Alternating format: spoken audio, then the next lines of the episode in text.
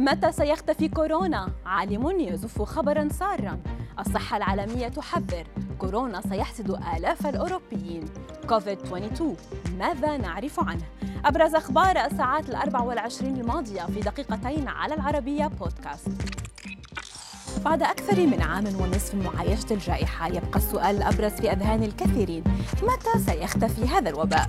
وفي خبر يبعث الأمل توقع عالم الأوبئة الألماني كلاوس شتور أن ينتهي فيروس كورونا في بلاده في أعقاب الشتاء المقبل كما أوضح أنه اعتبارا من الربيع سنشهد هدوءا ملحوظا للغاية وستنتهي الجائحة عندئذ وسيسود وضع طبيعي تماما في الصيف مرة أخرى معتبرا أن الأعداد المرتفعة لإصابات كورونا هي حتى الآن تطور متوقع ولا تدعو للانزعاج.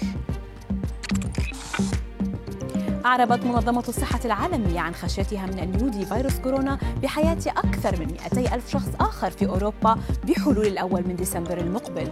وأعلن مدير منظمة الصحة العالمية في أوروبا أن عدد الوفيات ارتفع بنسبة 11% في المنطقة الأسبوع الماضي. واعتبر زيادة معدلات العدوى بكوفيد 19 في أنحاء أوروبا على مدى الأسبوعين المنصرمين إضافة إلى انخفاض معدلات التطعيم في بعض الدول أمرا مقلقا للغاية.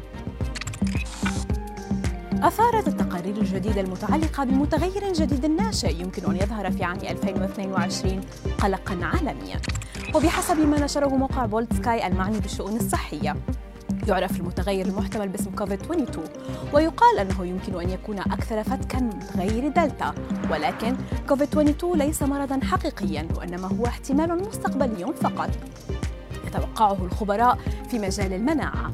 كما أن منظمة الصحة العالمية لم تقر رسميا المصطلح أو التوقعات لمتغير محتمل.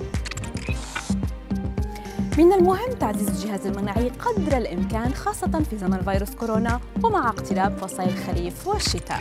وفي هذا السياق نعرض أسوأ عادات يمكن أن تضعف المناعة وفق خبراء التغذية.